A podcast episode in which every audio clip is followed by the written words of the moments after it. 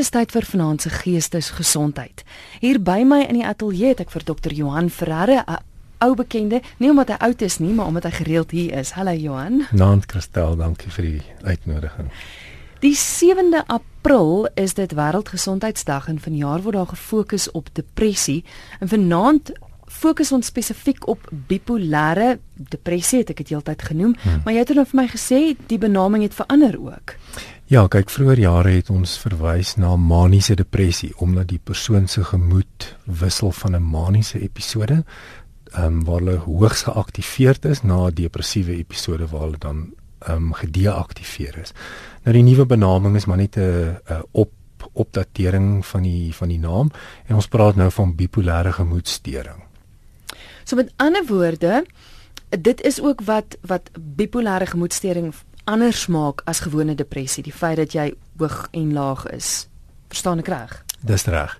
Om die diagnose van 'n bipolêre gemoedstoring te hê, moet daar 'n maniese episode wees. So sonder 'n maniese episode diagnoseer mens net 'n uh, jy weet 'n gewone depressie. Hier is 'n luisteraar wat klaar SMS'e deurgestuur het en my uitnodiging aan jou is ook dat jy vanaand kan saamgesels. Ons wil graag hoor van jou. Miskien is daar spesifieke vrae. Ek weet dikwels is daar vrae wat deurkom. Mense wat wil weet, hoe weet mense hoe word dit gediagnoseer? Wat behels dit? Hier is onder andere 'n luisteraar wat sê bipolêre gemoedstoornis is 'n verskriklike siekte. My kind het homself verlede jaar opgehang, ook geweier om saam te werk met behandeling en medikasie. Ons familie is deur hel. Kristel, dis nie dis nie 'n ongewone opmerking wat mense sal maak wat al werklik met hierdie tipe van siekte te doen gehad het nie. Dis uiters disfunksioneel. Ehm um, verskriklik moeilik om initieel reg te diagnoseer omdat dit baie lank kan vat vir maniese en depressiewe episodes om in 'n persoon se lewe byvoorbeeld te herhaal. So die navorsing sê vir ons dit kan tussen 5 tot 10 jaar neem voordat mens eintlik eers 'n effektiewe diagnose kan maak omdat dit hoe lank is hoe lank dit kan vat vir 'n maniese episode om dan weer voor te kom. So die persoon kan vir baie jare byvoorbeeld vir depressie behandel word en dan uiteindelik ehm um, sien ons 'n maniese episode in die persoon se lewe en dan moet die hele behandelingsplan natuurlik aangepas word. Jy is welkom om saam te gesels. Jy is welkom om jou vrae aan Johan te stuur. Jy kan dit doen deur 'n SMS te stuur na 45770. 45770 dit gaan jou R1.50 kos of jy kan 'n e-pos stuur via ons webwerf rsg.co.za dis rsg.co.za en daar's 'n skakel wat sê stuur boodskap aan die ateljee of jy kan self bel en met Johan gesels 089 1104553 dit is 089 1104553 Johan hier is 'n e-pos wat deur gekom het wat sê baie dankie vir die geleentheid om vrae te vra. Ek het twee psigiaters gesien. Een het gesê ek is bipolêr, die ander een het gesê ek het algemene angsstoornis. Die hmm. eerste een sê my angsaanvalle en angstigheid is die maniese fase. Is dit so? Dis haar eerste vraag en dan sê sy ek is al jare getroud, spaarsamig met geen begeerte om wild geld te spandeer nie. Ek praat nie baie nie.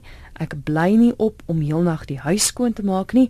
Ek ervaar hoofsaaklik doodstrygende doodstrygende Nee, dis die einde daarvan. Ekskuus, daar het nie nog 'n woord deurgekom nie. Baie dankie. Mooi aand verder. Kan jy die luisteraar help? Kyk, dis 'n um, soos ek aan die begin gesê, dis nie 'n maklike en eenvoudige diagnose om te maak nie. 'n Mens moet dit natuurlik oor tyd doen. So om 'n om 'n enkele sessie of in twee sessies by 'n psigiatër of 'n sielkundige diagnose te ontvang kan baie verwarrend wees. Ehm um, wat sy beskryf, ehm um, kan jy hoor dat sy al bietjie hieroor opgelees het en om bloot angs te beleef, angstigheid, opgewektheid in terme van jou angsvlakke dit dit klassifiseer nie as 'n maniese fase nie. So om 'n maniese fase of in bipolêr te wees hipomaniese fase, dis net 'n sagter weergawe van die maniese fase te beleef. Moet jy, jy weet aan 'n paar karakter ehm um, gedragselemente voldoen. oordrewe selfvertroue of 'n grootheidswaan. Jou behoefte aan slaap neem af. Jy's geweldig spraaksaamig. Jy praat verskriklik vinnig en aanhoudend. Jy het ideevlugte, so jou aandag kan nie bepaal word nie daar's 'n toename in doelgerigte gedrag. So jy skielik werk jy verskriklik hard en jy kry goedjies gedoen en daar's 'n oordrewe betrokkenheid by aktiwiteite wat vir jou lekker is. So dis 'n betekenisvolle skuif in die persoon se gedrag en dit is nie net waarneembaar deur jouself nie, maar is ook waarneembaar deur ander mense. Nou 'n verhoogde angs vlak gaan nie klassifiseerbaar wees as 'n maniese fase nie. So ek dink die die luisteraar moet dalk jy weet maar vir 'n vir 'n tweede of 'n derde opinie gaan sodat jy weet ons net kan seker wees behandel ons nou 'n algemene angsversteuring um, of behandel ons 'n bipolêre gemoedversteuring. Ehm um, daar's elemente van 'n van 'n angsversteuring in 'n bipolêre diagnose, maar dis dis baie meer as dit. Is daar verskillende vlakke? Hier's 'n luisteraar wat nou vra behandel bietjie bietjie um, bipolêr 2 en hmm. en ander op die spektrum. Is dit is daar 'n spektrum? Daar is kyk daar's daar's twee bipolêre gemoedversteuring diagnoses wat ons kan maak. Die eerste een is bipolêr 1, tweede een is bipolêr 2. So by bipolêr 1, dis gewoonlik die meer ernstige een. sien ons dat daar 'n 'n diagnoseerbare maniese fase moet wees. By bipolêr 2 moet daar 'n diagnoseerbare hipomaniese fase wees. Nou die verskil tussen 'n maniese fase en 'n hipomaniese fase is die graad van disfunksionaliteit.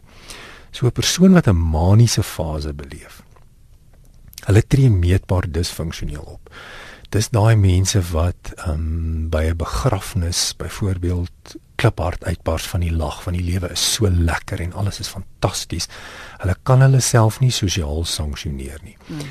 Dis die ou wat in die middel van die nag in die straat afhardloop en vir al die bure skree hoe lief hy hulle het.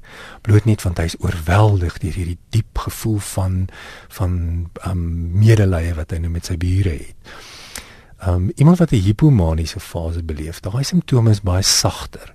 Dit is iemand wat um meer geld uitgee.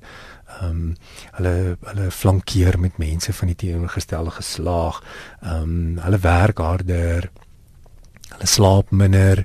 So jy kan hoor dis 'n dis 'n ehm um, daar's 'n verstoring in hulle in hulle sosiale gedrag, maar dis nie disfunksioneel nie. Mm -mm. Die maniese fase ehm um, as ons die maniese fase diagnoseer, dan moet daar daar moet disfunksionaliteit wees. So dis 'n baie sterker, baie meer intense belewenis van die maniese fase. Dan diagnoseer ons ehm um, uh, bipolêr 1 en met die sagter um hipomaniese fase bipolêr 2. So jy kan hoor bipolêr 1 is 'n baie ernstiger, meer disfunksionele diagnose.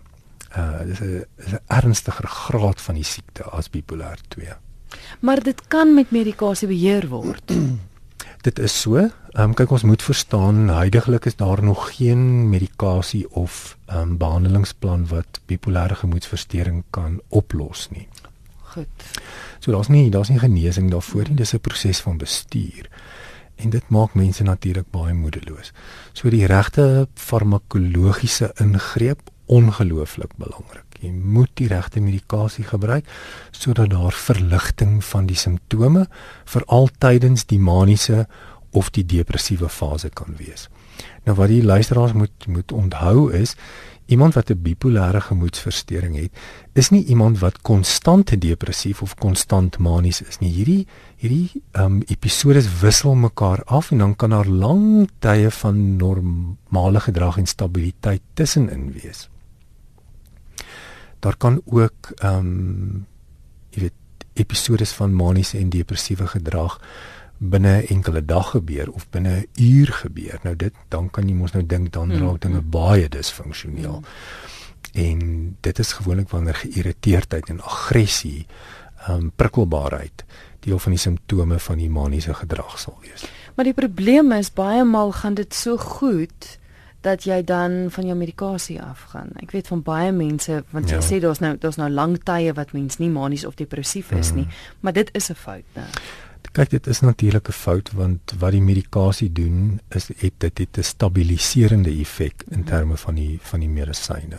Ehm um, jy weet ons praat van buistabiliseerders in farmakologie. En dit sal jou psigiater aan jou voorskryf om jou om die die die die ernstige op van die bui en die ernstige af van die bui te probeer beperk. Nou dis 'n dis 'n lang en 'n ingewikkelde proses en jy weet sommige mense bou weerstand teen sekere medikasies op en dan werk die medikasie nie meer so goed nie en dan moet daar 'n dosis aanpassing wees of dan moet na 'n ander medikasie gekyk word. So dis 'n geweldige intense proses en is langtermynbehandeling en mense raak moedeloos. So as hulle beter voel, dan gaan hulle van hulle medikasie af en dan verval hulle of dan in 'n baie diep depressiewe episode of dit dit wip hulle in 'n in 'n maniese fase in. Wat dan natuurlik gewoonlik baie lekker is, van nou voel jy fantasties en jy dink jy's baie aantreklik en jy flankeer met die hele wêreld en jy ry vinnig in jou motor en tot op die vlak waar dit dan nou weer disfunksioneel raak. En dis 'n dis 'n dis 'n lang en 'n moeilike pad. Ehm um, jy weet vir mans byvoorbeeld sê navorsing vir ons hulle Hulle eerste episode is gewoonlik 'n maniese episode waarby vrouens is daar 'n baie groter aanduiding dat vrouens wat bipolêr is se eerste episode 'n depressiewe episode sal wees. Jy weet daar's geslagsverskille ook. Ehm um, en dis jy weet dit vat nie geweldig lank om die diagnose te maak. So om om jy weet na 3, 4 dokters, sielkundiges, ehm um, psigiaters toe te gaan, gaan nie noodwendig help nie. Mens moet maar by een bly jy weet in oor tyd die behandelingsplan probeer klaarmaak. Want nie alle medikasie werk noodwendig vir almal nie. Ek meen dis 'n luisteraar wat sê nee. sy is op 3 op 3 pille om te sorg dat sy stabiel bly. Ja. Dis normaal. Weet jy, ehm um, ek weet dit is nou maar dit is nou maar so individualisties soos elke mens Goed. nou maar van nature is. Mm. So uit die aard van die saak sal die psigiater met 'n bepaalde behandelingsplan begin en dan moet ons kyk hoe die persoon emosioneel daarop reageer. Die luisteraars moet net onthou, jy weet net om medikasie te drink gaan vir jou op die ou uiteinde nie gesond maak nie. So dit is 'n jy weet dis 'n proses waar mens na die farmakologie moet kyk. Jy moet die regte medikasie drink, maar jy moet in 'n terapeutiese proses met 'n met 'n terapeut betrokke wees sodat hierdie persoon jou kan help om beter insig in die siekte te hê. Ja. Sodat jy kan verstaan watter effek dit op die mense rondom jou het. Jy kan dink hoe moeilik is dit om met iemand te leef wat se baie onvoorspelbaar is, maar ook intense pieke op en pieke af het. Mm. Jy weet hierdie dan gaan dit fantasties goed en dit is heerlik en die mens maak jy eintlik, jy weet, half moeg, soveel energie het hulle en dan val hulle in hierdie gat. Ehm um, so kennis is ongelooflik belangrik. Jy weet as mens wil vorentoe beweeg met hierdie diagnose. Jy is ingeskakel op RSG en jy luister na Geestesgesondheid. My gas is dokter Johan Ferreira en ons gesels oor bipolêre gemoedsversteuring. Klomp SMS'e wat deurkom. Ek gaan begin deur een wat sê is dit oor erflik. Is dit 'n chemiese wanbalans word jy gebore daarmee hmm. of gebeur daar iets in jou lewe wat maak dat jy bipolêr raak? Ek kyk alle navorsing dui daarop dat daar 'n baie sterk genetiese predisposisie is. Dit is so, oor erflik ook. Dit is oor erflik, maar dit word gesneller deur sekere lewens ehm um, gebeure. So as daar baie stres in jou lewe is en jy weet daar's trauma in jou lewe, dan dan het dit die geneigtheid om aan te skakel. Nou nie alle mense wat met die met die siekte gediagnoseer word, het 'n positiewe familiegeskiedenis nie. So daar's dalk niemand in jou familie wat dit het nie. Die ding is net hulle was dalk ongediagnoseer gewees, ons weet nie. So mense moet maar versigtig vra, jy weet, was daar 'n was daar 'n baie eksentrieke familielid gewees vroeër jare, jy weet 'n suster van 'n ouma wat wat maar bietjie eienaardig was. Daai dae het hulle nie geweet hoe om dit te diagnoseer nie. So dat daar is 'n ehm um, definitiewe genetiese predisposisie meeste mense um, begin eers werklik tekens, diagnoseerbare tekens, jy weet hier in hulle vroeë uh, volwassenheid vir ons wys. Ek weet deesdae is die geneigtheid om die diagnose baie vroeër te maak bloot net omdat ons nie wil hê dat die maniese of die depressiewe episodes moet herhaal nie, want elke keer wat dit herhaal, intensifiseer die belewenis daarvan. En dis een van die elemente wat so belangrik is in die behandeling hiervan dat as jy van jou medikasie afgaan en of jy bly nie in jou terapeutiese proses nie dan staan jy 'n baie groter kans om nog 'n depressiewe of 'n maniese episode te beleef. En dan gaan dit dieper wees en dit gaan langer aanhou so dit raak progressief meer disfunksioneel. Hier is 'n luisteraar wat wil weet wat is die verhouding tussen bipolêre gemoedversteuring en alkohol en uh, oor die toonbank medikasie afhanklikheid. Kyk die dilemma met um, met 'n gemoedversteuring of dit nou net depressie is en of dit 'n bipolêre gemoedversteuring is, is angstigheid gaan altyd daarmee gepaard. Ehm um, so alkohol uit die aard van die saak is 'n ehm um, is maar soos enige ander vorm van medikasie dit stimuleer die die chemikalieë in jou brein so dit verlaag die angstigheid. Uh oor die oor die toonbank medikasie, mense is baie kwesbaar as jy aan 'n gemoedversteuring ly, daarvoor om om jou stresvlakke beter te kan hanteer. So, jy weet mense wat wat met 'n bipolêre gemoedversteuring gediagnoseer is, het 'n baie groot kwesbaarheid in terme van middelafhanklikheid. Dit is so.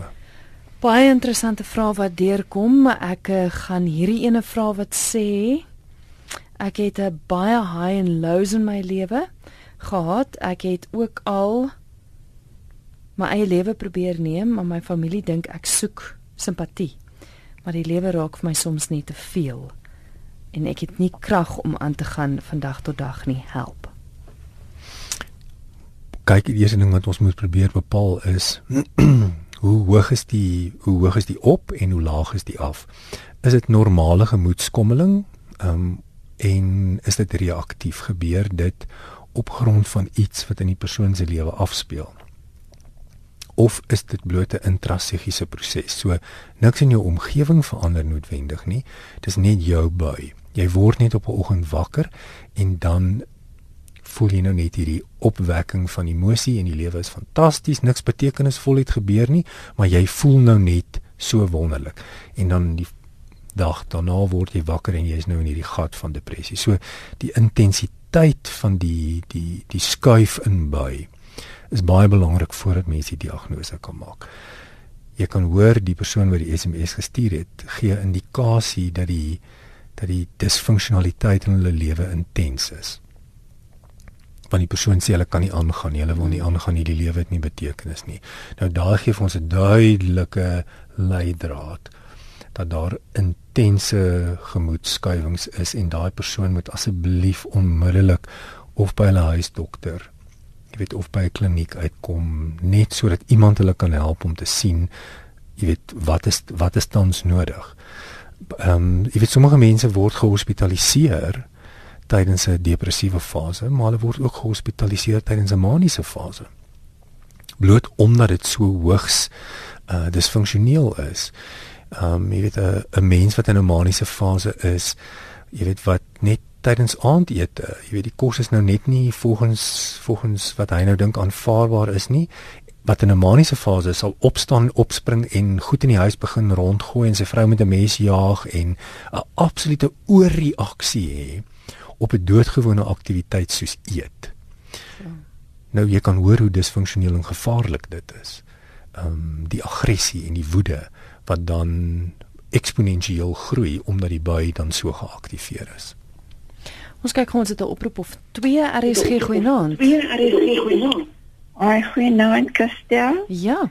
Dis weer Maritje de Waal van Mama Spurry. Ja Maritje. Luister weer ek ek sit hier met 'n brief voor my.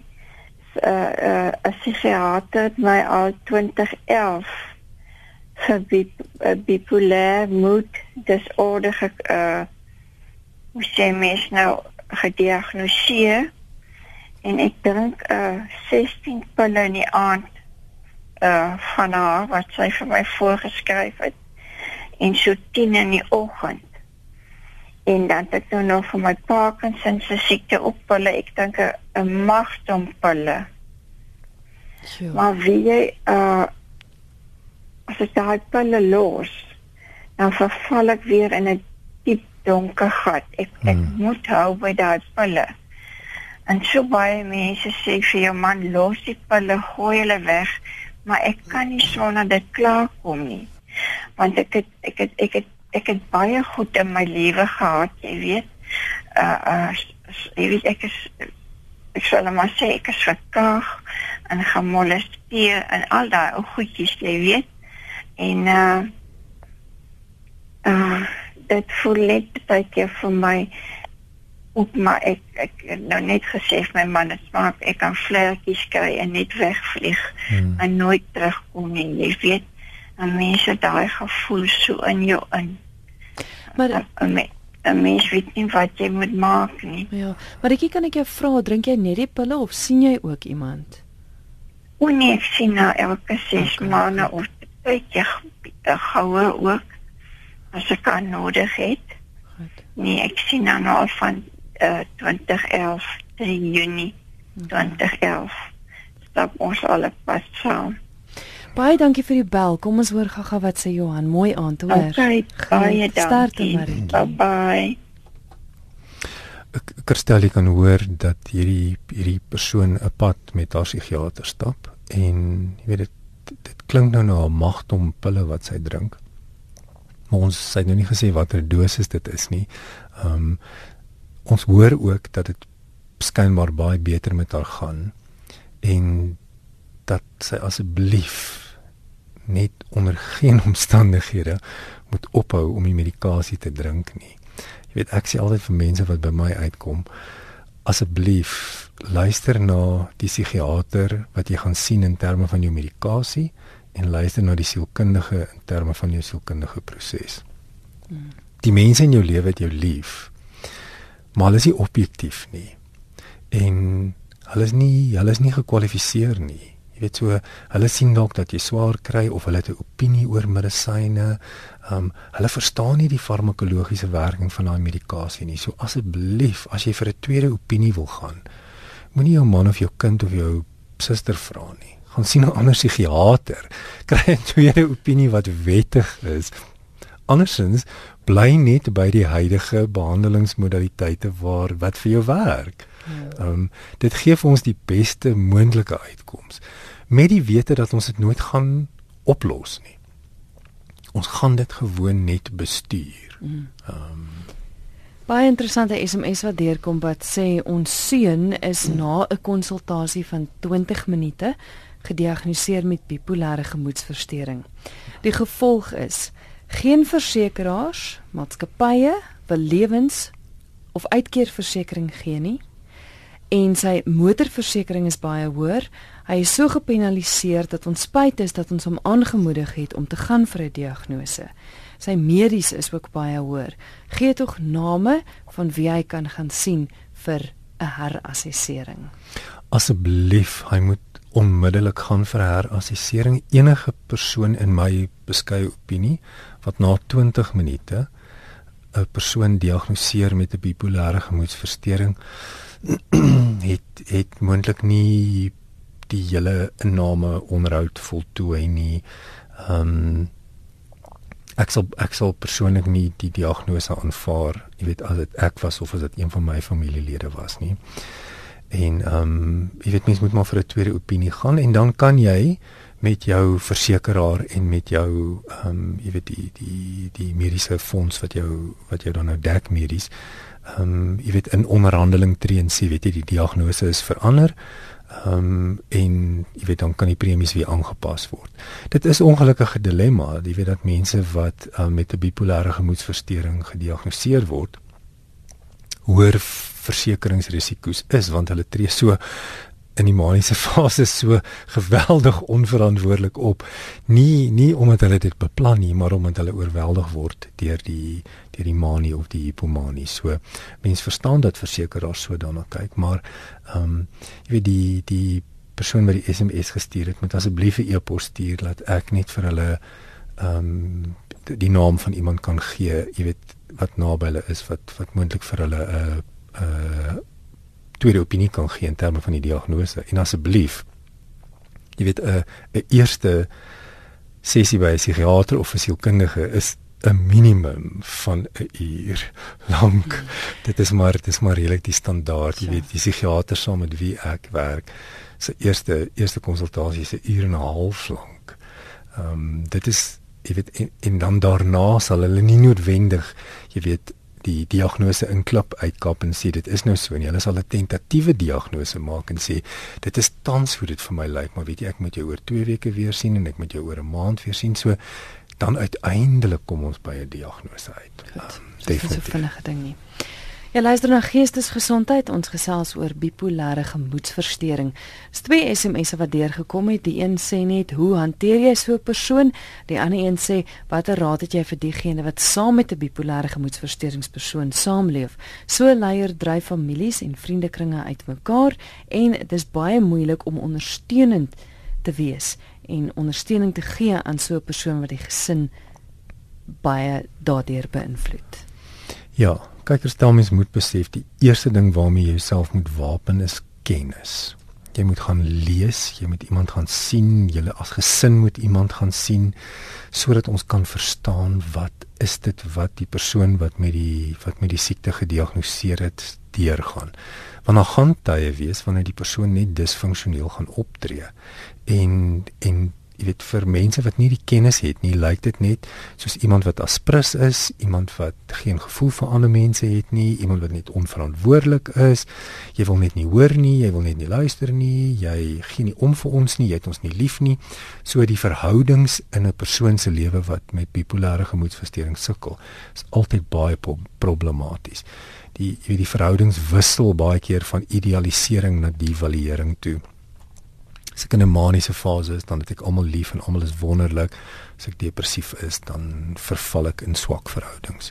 So die eerste ding om te doen is om vir die familielede en die mense wat in die vriendekring saam met die persoon leef inligting te gee.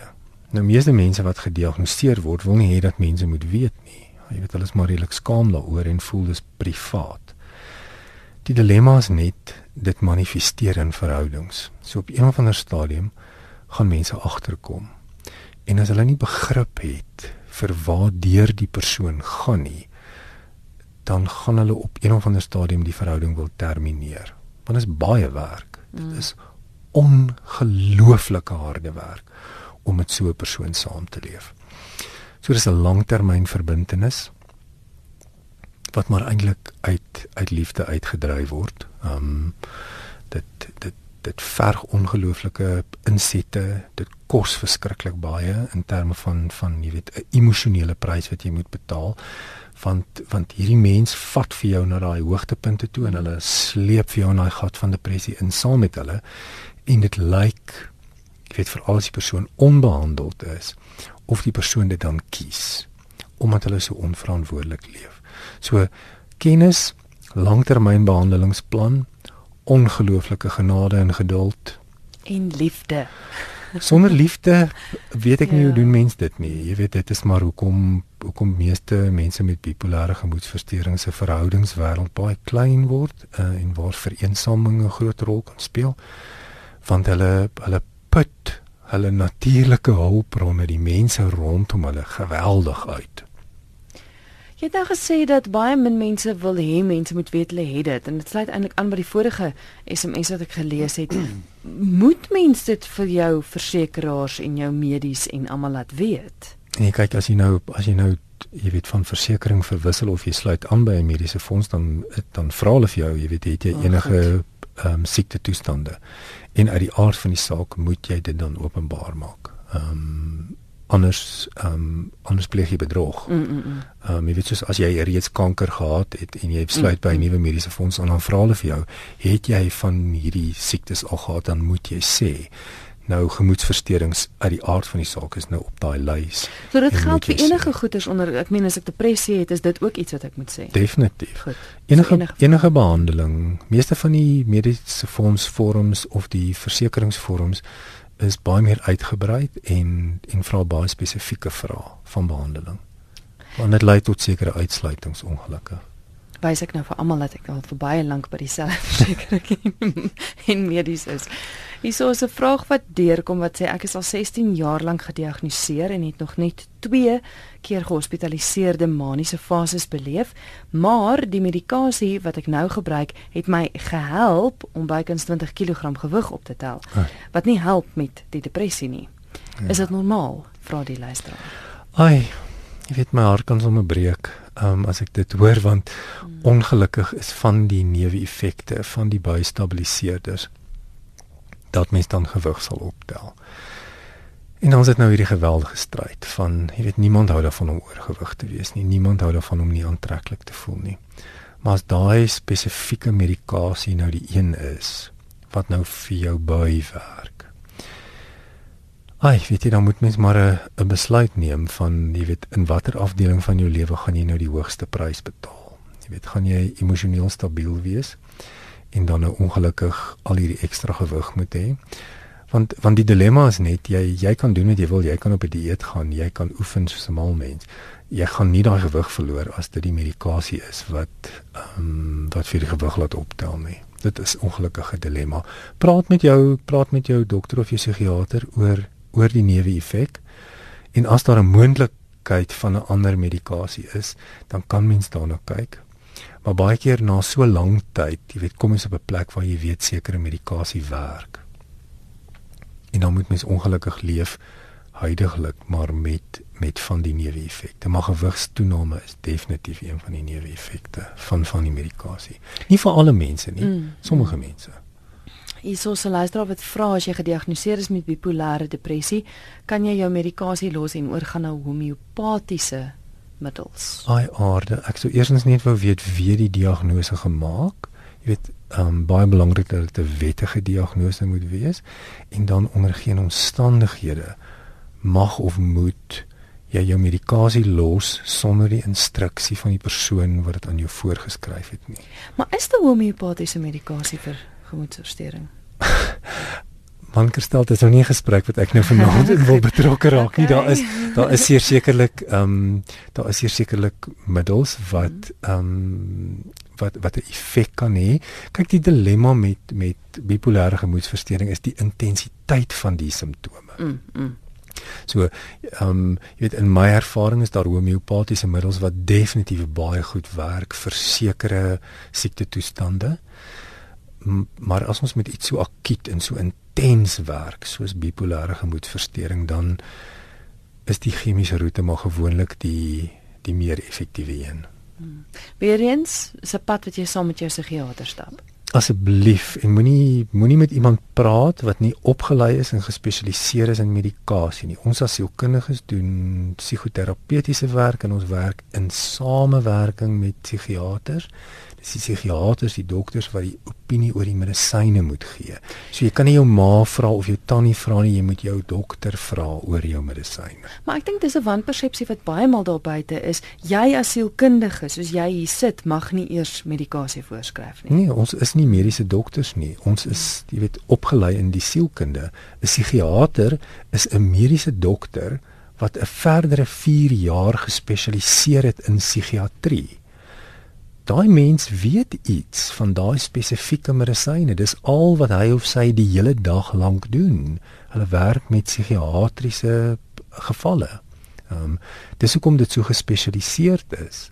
Ehm um, so daai is die persoon wat wat jy vra oor jou medikasie. Jy vra nie iemand anders oor jou medikasie nie. En as jy wettiglik gediagnoseer is met 'n bipolêre gemoedstoornis, dan in my beskeie opinie moet jy 'n langtermynverhouding met 'n psigiatër hê. Kan jou huisdokter jou diagnoseer met bipolêr? Natuurlik kan hulle jou diagnoseer. Ehm um, hopelik nie in 'n 15 minute konsultasie nie. Ehm um, vinnig, Johan. dis dit ehm mens moet baie baie baie versigtig wees as jou ehm um, jou huisdokter kan sekerlik vir jou sê dit lyk vir my of dit 'n probleem kan wees. Dit daar's aanduidings daarvan.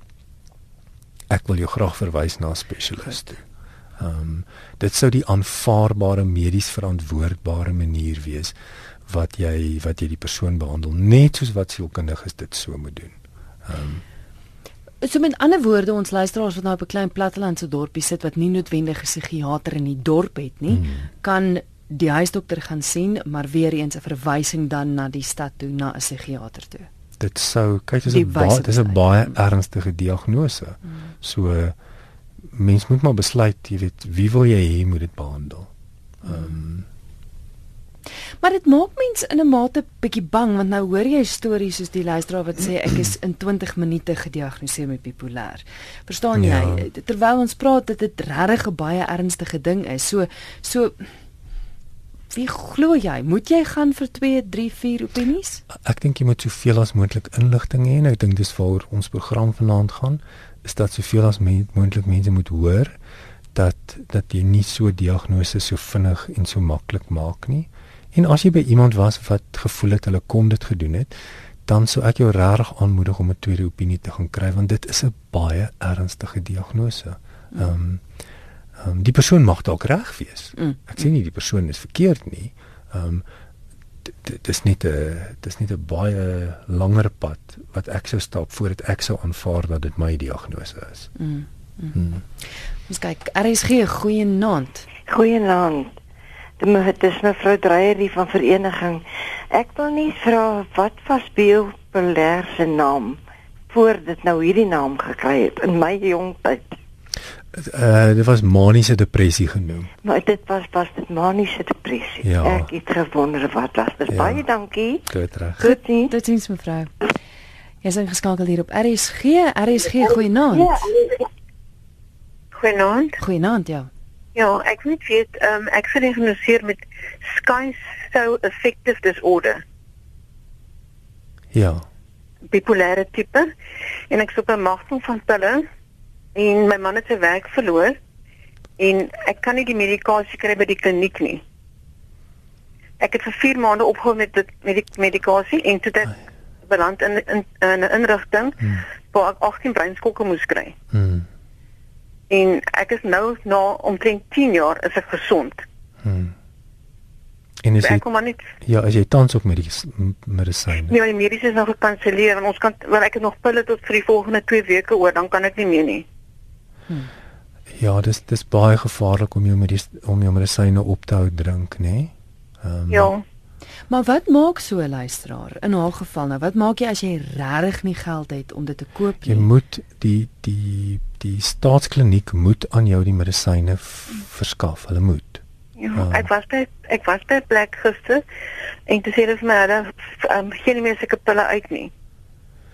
Nee, weet jy, stuur vir my 'n stuur vir my e-pos aan die einde van die program gaan ons vir jou die e-posadres gee Okay. en dan sal ek ek sal vir jou dan die klinieks naaste aan jou se naam soek en dit vir jou dan stuur, maar die die staatsklinieke as jy 'n gediagnoseerde ehm um, persoon is, dan moet hulle vir jou die regte medikasie gee. Sê vir my is dit 'n gevaarlike tipe? Kyk, dis 'n baie intense tipe. Ja, Want- want ek het ek het byvoorbeeld ehm um, my seun met 'n mes sou steek, ek het hoeveel keer Ja. selfmoord gepleeg, maar elke keer het dit misluk so. Ja, kyk die dilemma is in sommige maniese fases kan kan mense ehm um, wat dit baie intens beleef, jy weet ehm um, 'n breek met realiteit hê, so dan kan hulle hulle kan halusineer of hulle kan delusies hê. En en dis baie gevaarlik want jy weet dan moet jy verantwoordbaar wees vir wat jy gedoen het toe jy nie eintlik geweet het wat jy doen nie. So Ja. baie baie belangrik dat jy dat jy die medikasie sal aanhou gebruik want Ja.